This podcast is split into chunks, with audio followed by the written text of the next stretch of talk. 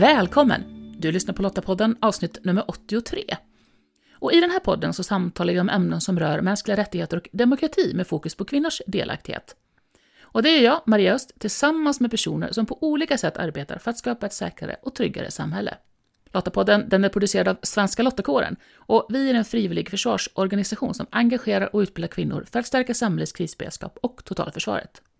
I det här avsnittet så möter du Annika Lindroth som är polismästare i Region Stockholm. Annika har jobbat med många olika saker inom polisen, men idag så har hon fokus på krisberedskap och totalförsvar eh, och jämställdhet. Och även om mycket har hänt inom polisen med jämställdhetsarbetet så finns det mycket kvar att göra och det visade om inte annat polisens eget metoo-upprop Nödvärn. Eh, och för Annika så handlar det hela om kultur, det vill säga hur vi beter oss mot varandra. Och en del i det är såklart att vi kvinnor, vi måste stötta varandra. Men eh, lyssna vidare så berättar Annika om arbetet med jämställdhet inom polisen idag och varför det arbetet är viktigt. Välkommen till Lottapodden. Tack. Kan inte du bara börja med att berätta lite kort, vem är du? Jag heter Annika Lindroth. Eh, jag är polismästare i Stockholm. Eh, och just nu så har jag två stora uppdrag. Krisberedskap och totalförsvar och jämställdhet. Som man kan tycka inte hör ihop, men på något sätt så gör det det i alla fall till slut. Eh, jag har varit chef ganska länge inom Polismyndigheten eh, och nu har jag i takt med att jag tänker mig så småningom dra mig tillbaka och bli pensionär. Eller i vart fall deltidspensionär till att börja med. Så då tycker jag inte man ska vara chef längre. För då kanske man inte har riktigt det drivet som krävs. Så nu har jag fått bland annat de här två bollarna att jobba med från min regionpolischef. Och jag tänker, för jag tycker ju det är lite spännande det här när man väljer yrke. Vad var det som gjorde att du valde att bli polis? Man vill ju gärna svara så här, åh, jag vill göra något för samhället och jag vill arbeta med människor och sådär. Det är de vanliga svaren man får när man intervjuar. För mig var det väl så att jag var någonstans i livet då som 22-23-åring där jag inte riktigt visste vad jag ville. Jag höll på att studera lite pedagogik i brist på eh, någon annan sysselsättning och jag hade lite skuttjobb sådär. Eh, och sen så började jag söka en massa olika eh, yrkesutbildningar. Och sen av en slump, det berodde på att det var en kamrat till mig som sökte Polishögskolan och tyckte att jag skulle göra det också. Och när jag ändå höll på med en massa ansökningshandlingar så tänkte jag, jag skickar väl in den där också. Och de svarade först när jag kom in där. Så på den vägen är det. Vilken slump. Ja, faktiskt. Fast jag måste säga att jag är, jag är inte ångrat en enda sekund. Det, är och har varit fantastiskt. Mm. Uh, sen kan man säga så här, hur kul är det att jobba statligt? Jo, ganska roligt. För man har ett jobb som inte handlar om att man ska tjäna pengar åt någon annan. Mm. Utan det finns ett högre syfte och det kan jag tycka det får jag påminna mig själv om ibland. Att uh, det är för the greater good, eller vad man ska säga. Mm. Och nu har du fått förmånen då att jobba med jämställdhet inom polisen. Berätta mer, vad innebär det? Ja, det är en fråga som kan vara lite sådär oklar i sina kanter. Därför att det här har jag ju då fått som uppdrag sedan i början på det här året. Uh, och det handlar om att Polismyndigheten i stort, men också förstås Region Stockholm där jag jobbar, eh, ska jobba för att vara en jämställd myndighet. Både internt och att vi ska producera en jämställd verksamhet ut till våra medborgare. Och det började med att jag fick leda en arbetsgrupp i ett uppdrag som regeringen har gett till 60 myndigheter som heter Jämställdhet i myndigheten. Vilket handlade mest om att liksom producera en bra eh, verksamhet ut till medborgarna. Men när man har börjat dra en sån här sak och så har folk fått klart för sig att jaha, men hon jobbade ju med det, då kan hon ju ta det här. Mm. Så bara växer det. Okay. Och sen till slut så fick jag i uppdrag av regionpolischefen och biträdande regionpolischefen att vara deras lite koordinator och samordnare kring allt arbete som vi gör mm.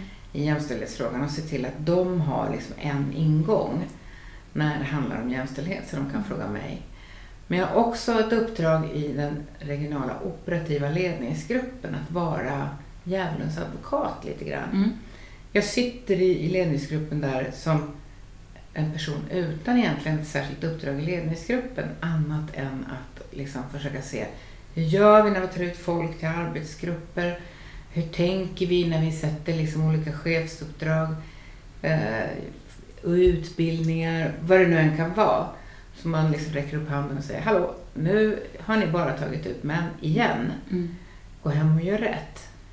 Eh, Men också i diskussioner kring olika saker, hur vi ska gå vidare i saker, så måste man alltid fundera på men hur, hur ska vi nu jobba för att se till att vi blir dels fler tjejer och på det viset också en bättre verksamhet. Mm. Och jag tänker, hur tas det arbetet emot då, bland dina kollegor på bredden? Hur ser man på jämställdhetsarbetet? Är det viktigt?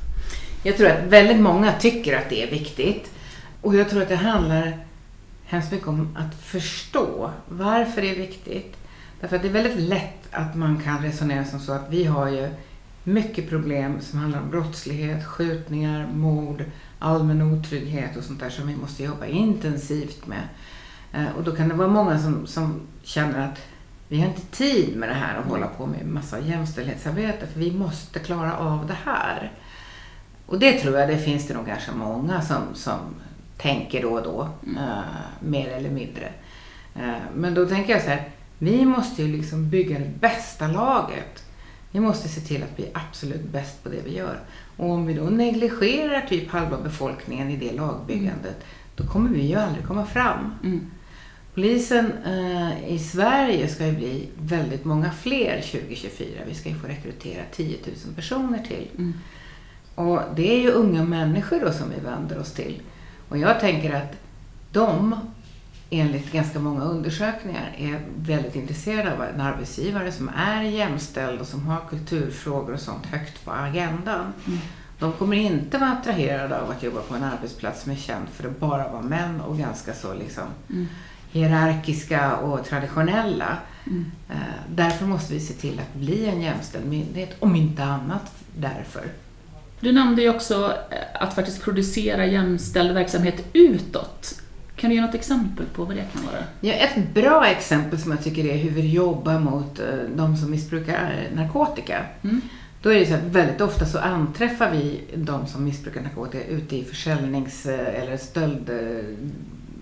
stöldärenden på Plattan eller vad det nu kan vara någonstans. Eller de kör bil drogpåverkade eller vad det nu är. De dealar och säljer saker.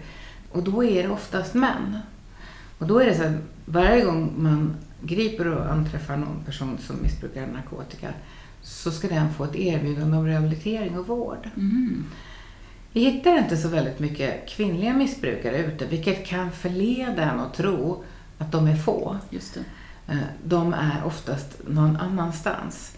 Eh, I kvartar, eh, portuppgångar, lägenheter där vi liksom inte riktigt är polisen. Då.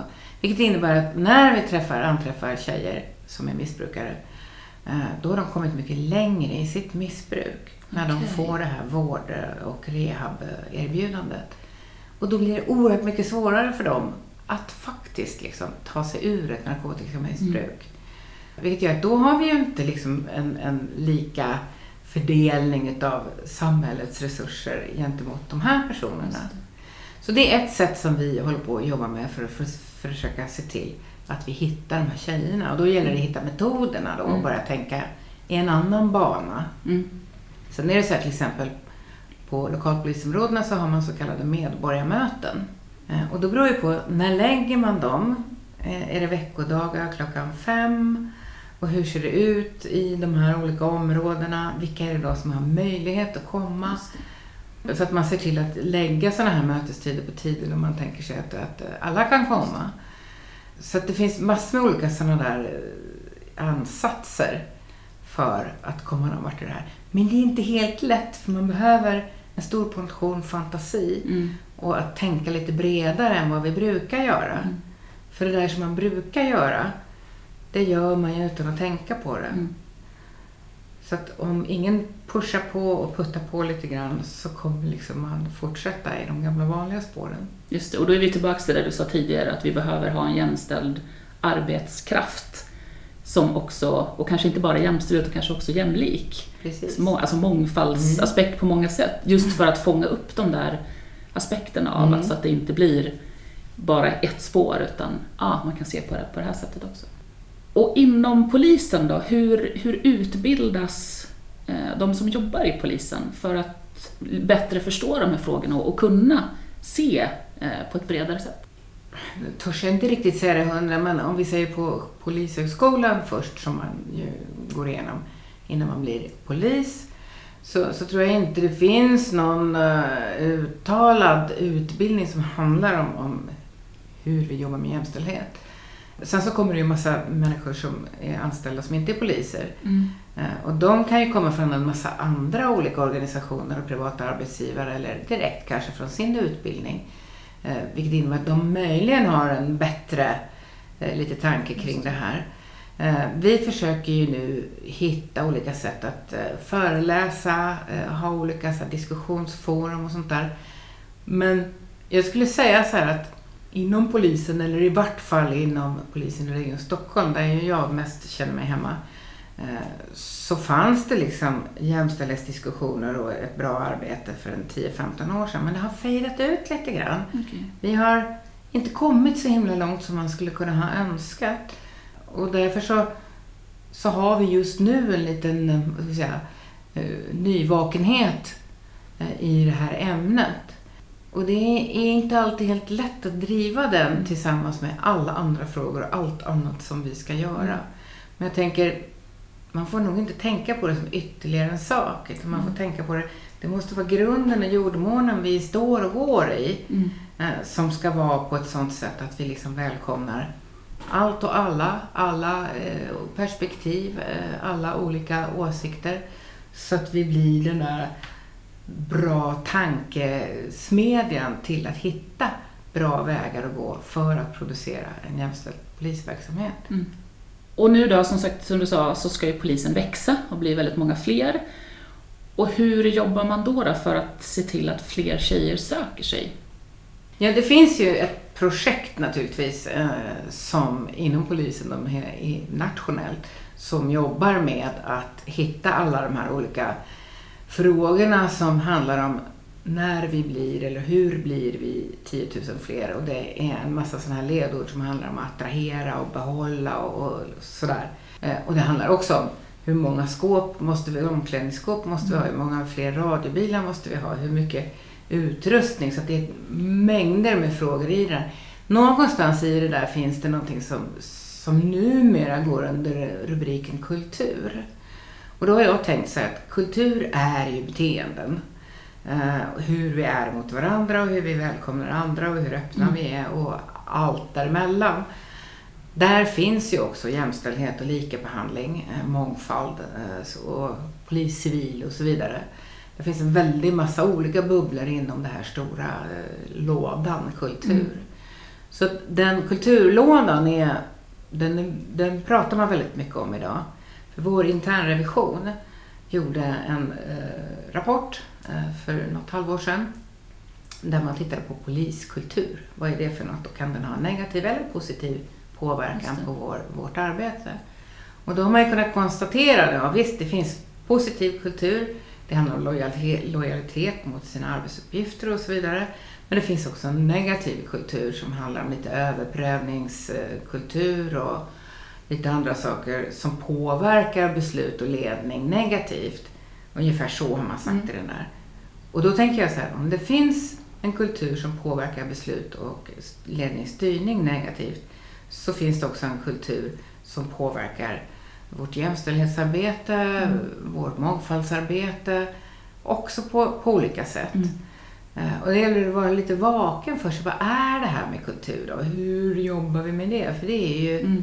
Faktiskt inte helt lätt. Mm. Men jag tänker du själv då som har varit verksamhet länge i, i polisen. Ser du skillnader från när du började till nu i hur, naturligtvis att ni, eh, hur många kvinnor ni är, men också att att attityder har förändrats? Jo, men det är klart att attityder har förändrats. Eh, det måste man ju säga. När jag var väldigt ung polis så, blev jag ju bemött av min dåvarande polismästare med, med någon form av eh, Jaha, men hur ska du lilla gumman klara av att lyfta något 70 kilos fyllo upp för en trappa? Eh, och sådana där kommentarer. Och någon annan gång så hade han Han stod i lunchrummet och berättade glatt för alla att han hade nu fått välja mellan två nyrekryterade poliser. Den ena var en fyrabarnsmamma från Vallentuna och den andra var en kille som var karate, EM-mästare eller någonting i den stilen. Och då säger han, jag valde ju såklart karatekillen, vem vill ha en fyrabarnsmamma? Alltså den mm. typen av uttalanden och ifrågasättanden, det hör man inte mer. I alla fall inte officiellt definitivt. Mm. Uh, och jag uppfattar ju också att vi är fler tjejer såklart. Uh, vilket också bidrar till att, att den här typen av kommentarer dämpas lite. Men uh, vi hade ju vårt eget metoo-uppror mm. som hette Nödvärn. Och där fick vi ju till min förskräckelse läsa en massa förfärliga berättelser om hur kvinnor i vår verksamhet blir behandlade av sina manliga kollegor. Eh, och jag levde väl lite i någon form av låtsasvärld när jag trodde att det där var på 80-talet. Men nu är det ju inte så. Mm. Men det kunde man i de här berättelserna mm. konstatera att jo, men det var nog lite så i alla fall mm. nu. Uh, och det var ett wake-up call för oss allihopa, mm. uh, måste jag säga. Det, det var inte roligt. Mm. Men jag tror att det hade vi gemensamt med alla andra metoo-uppror. Verkligen. Vi jobbade redan innan eh, nödvärnsupproret kom så hade vi förstått att det skulle komma. Mm. Så vi tillsatte en arbetsgrupp på regional eh, ledningsnivå där vi började fundera över hur tar vi emot det här? Vad ska vi göra åt det? Hur ska vi hantera det? Hur kan vi förbättra Eh, och vad, vad, är det vi behöver göra? Lite sådär panikslaget egentligen. Så vi började då jobba i det där. Men sen samtidigt med det så, så började man jobba på en jämställdhetsplan. Det har ju funnits hela tiden men den nya jämställdhetsplanen kom då i det där sammanhanget. Vi jobbade med den här JIM, jämställdhet i myndigheterna-gruppen. Och så var det den här metoo-gruppen. Och då började vi känna att nu gör vi en massa saker på olika håll och vi har ingen koll på helheten. Så då sa vi att det här, det här måste vi jobba med under samma paraply. Mm. För det är inte olika saker, utan det är mm. samma saker. Så numera har vi, och de flesta regionerna i Polissverige har ett lika behandlingsråd. Och det är också lite sådär, det är ett annat ord, men det handlar om också beteenden. Att mm. vi behandlar varandra på samma sätt, mm. likadant. Så där har vi då börjat jobba både nationellt och lokalt, eller regionalt. Vi har också gjort um, eller i polisområde syd så har man gjort ett ganska spännande forskningsprojekt där man har tittat på hur behandlar man folk i receptionen. Mm. Alltså receptionister och de som jobbar i receptioner. Hur bemöter de människor som kommer till oss? Och då har man ju sett att man faller i fällan genom att möta man, män och kvinnor annorlunda. Mm. Till exempel så uppfattade man då att, eller uppfattade, det var så man konstaterade att Eh, den som satt i receptionen bemötte män med fler leenden okay. och mer positiv attityd än ja. man bemötte kvinnor. Eller när pojkar och flickor, eller för den delen män och kvinnor också, skulle ta sina fotografier till passen så sa man till tjejer så här, Åh vad fin du blev, det är jättesöt på den här bilden, åh vad fint. Så här. Medan mäns foton kommenterades i princip aldrig. Okay. Eh, och då kan man fråga sig, ja vad betyder det då? Ja, det kanske inte betyder så mycket annat än att man fortsätter att främja könsroller och mm. könsidentiteter på ett väldigt traditionellt sätt. Om man vill säga att någon blev fin på ett kort, då ska man säga det till alla. Mm.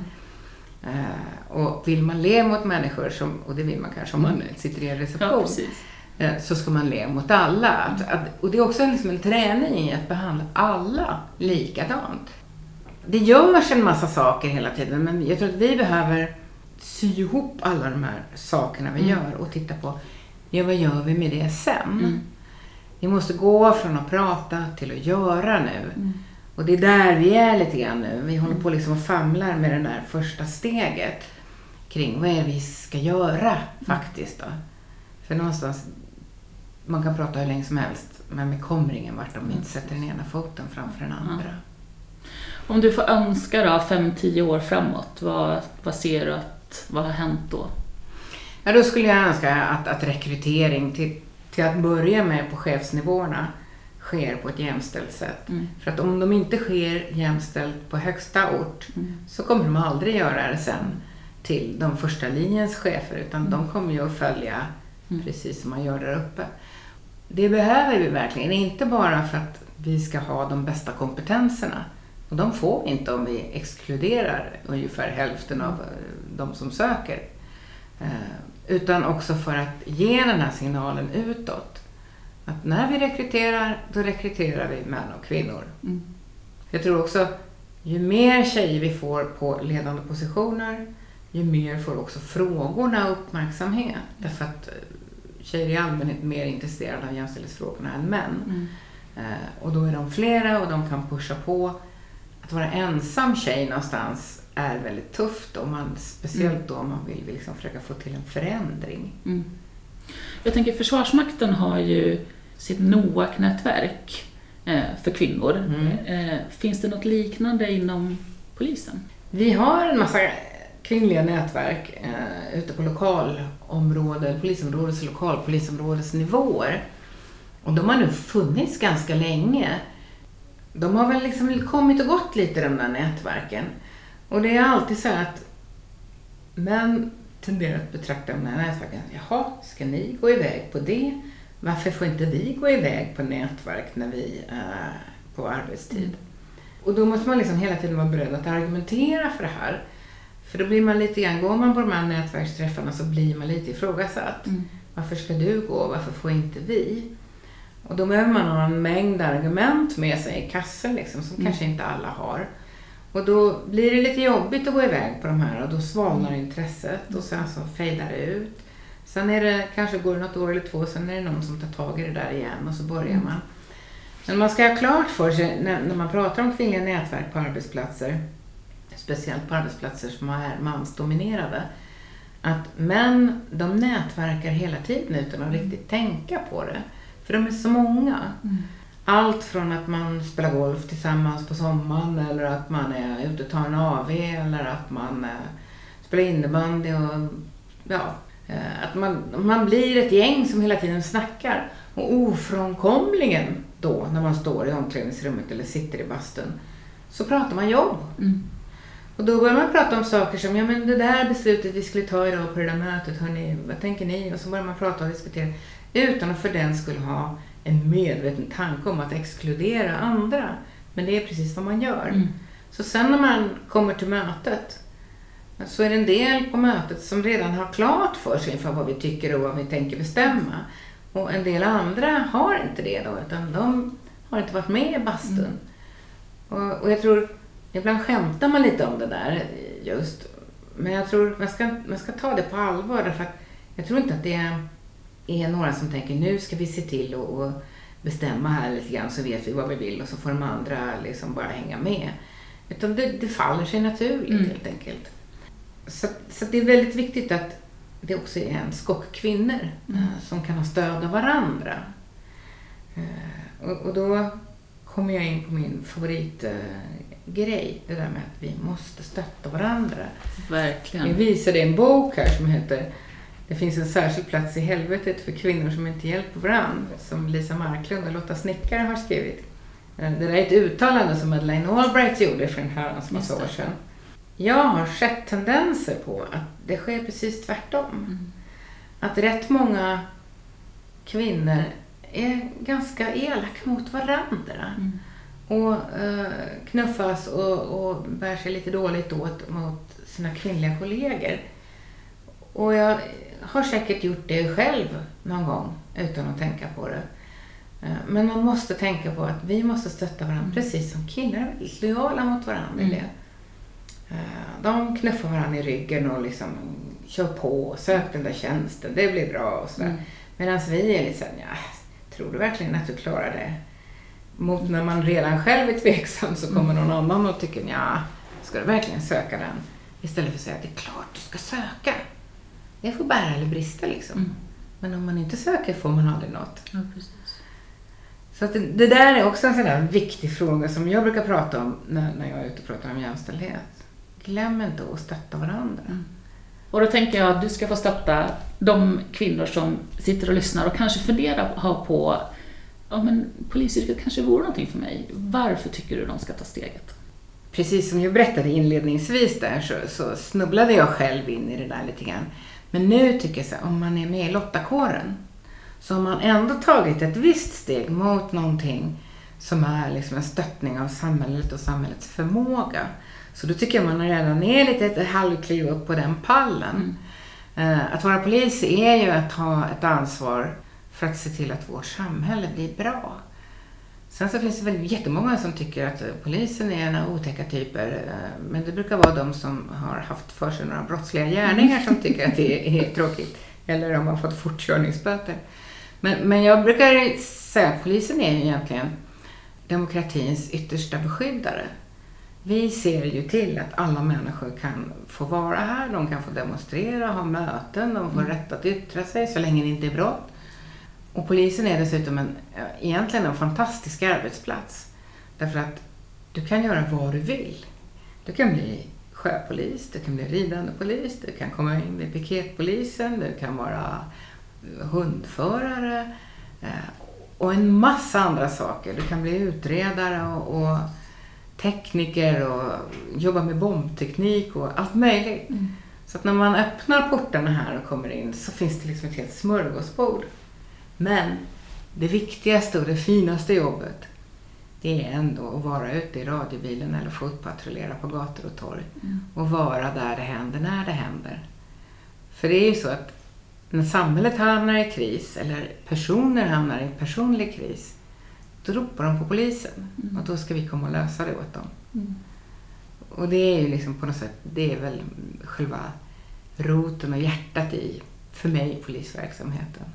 Då hoppas vi att flera stycken väljer att bli framtida kollegor till dig. Det tycker jag verkligen de ska bli. Mm. Tack så jättemycket. Tack.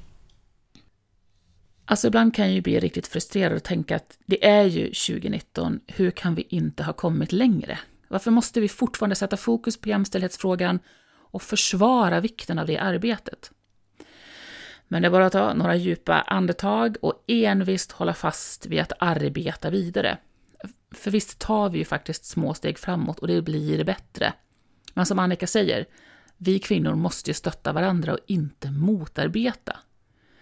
Och för mig eh, personligen så har det betytt väldigt mycket att vara medlem i Svenska Lottakåren, att ha ett systerskap att luta mig mot och kunna diskutera frågor som är specifika för oss.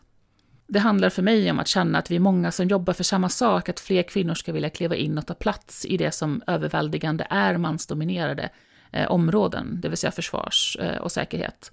Och det har gjort att jag har känt mig starkt och därmed vågat ta för mig. Länk till mer information relaterat till det vi samtalat om i det här avsnittet, det hittar du på lottapodden.se. Och om du, precis som Svenska Lottakåren, tycker att fred, demokrati och mänskliga rättigheter är värda att försvara och vill engagera dig för ett säkrare och tryggare samhälle, ja men gå då till svenskalottakåren.se. Där hittar du information om hur just du kan bidra. Och nästa avsnitt av Lottapodden det kan du lyssna på om två veckor den 26 december. Så om du inte redan gör det, prenumerera gärna på Lottapodden för att säkerställa att du inte missar nästa avsnitt. Du hittar podden i Apple Podcast, Podbean eller på Spotify. Och om du gillar Lottapodden, berätta gärna för andra om den. Och vi blir jätteglada om du lämnar en recension så att ännu fler hittar oss. Och tack för att du lyssnar. Hej så länge!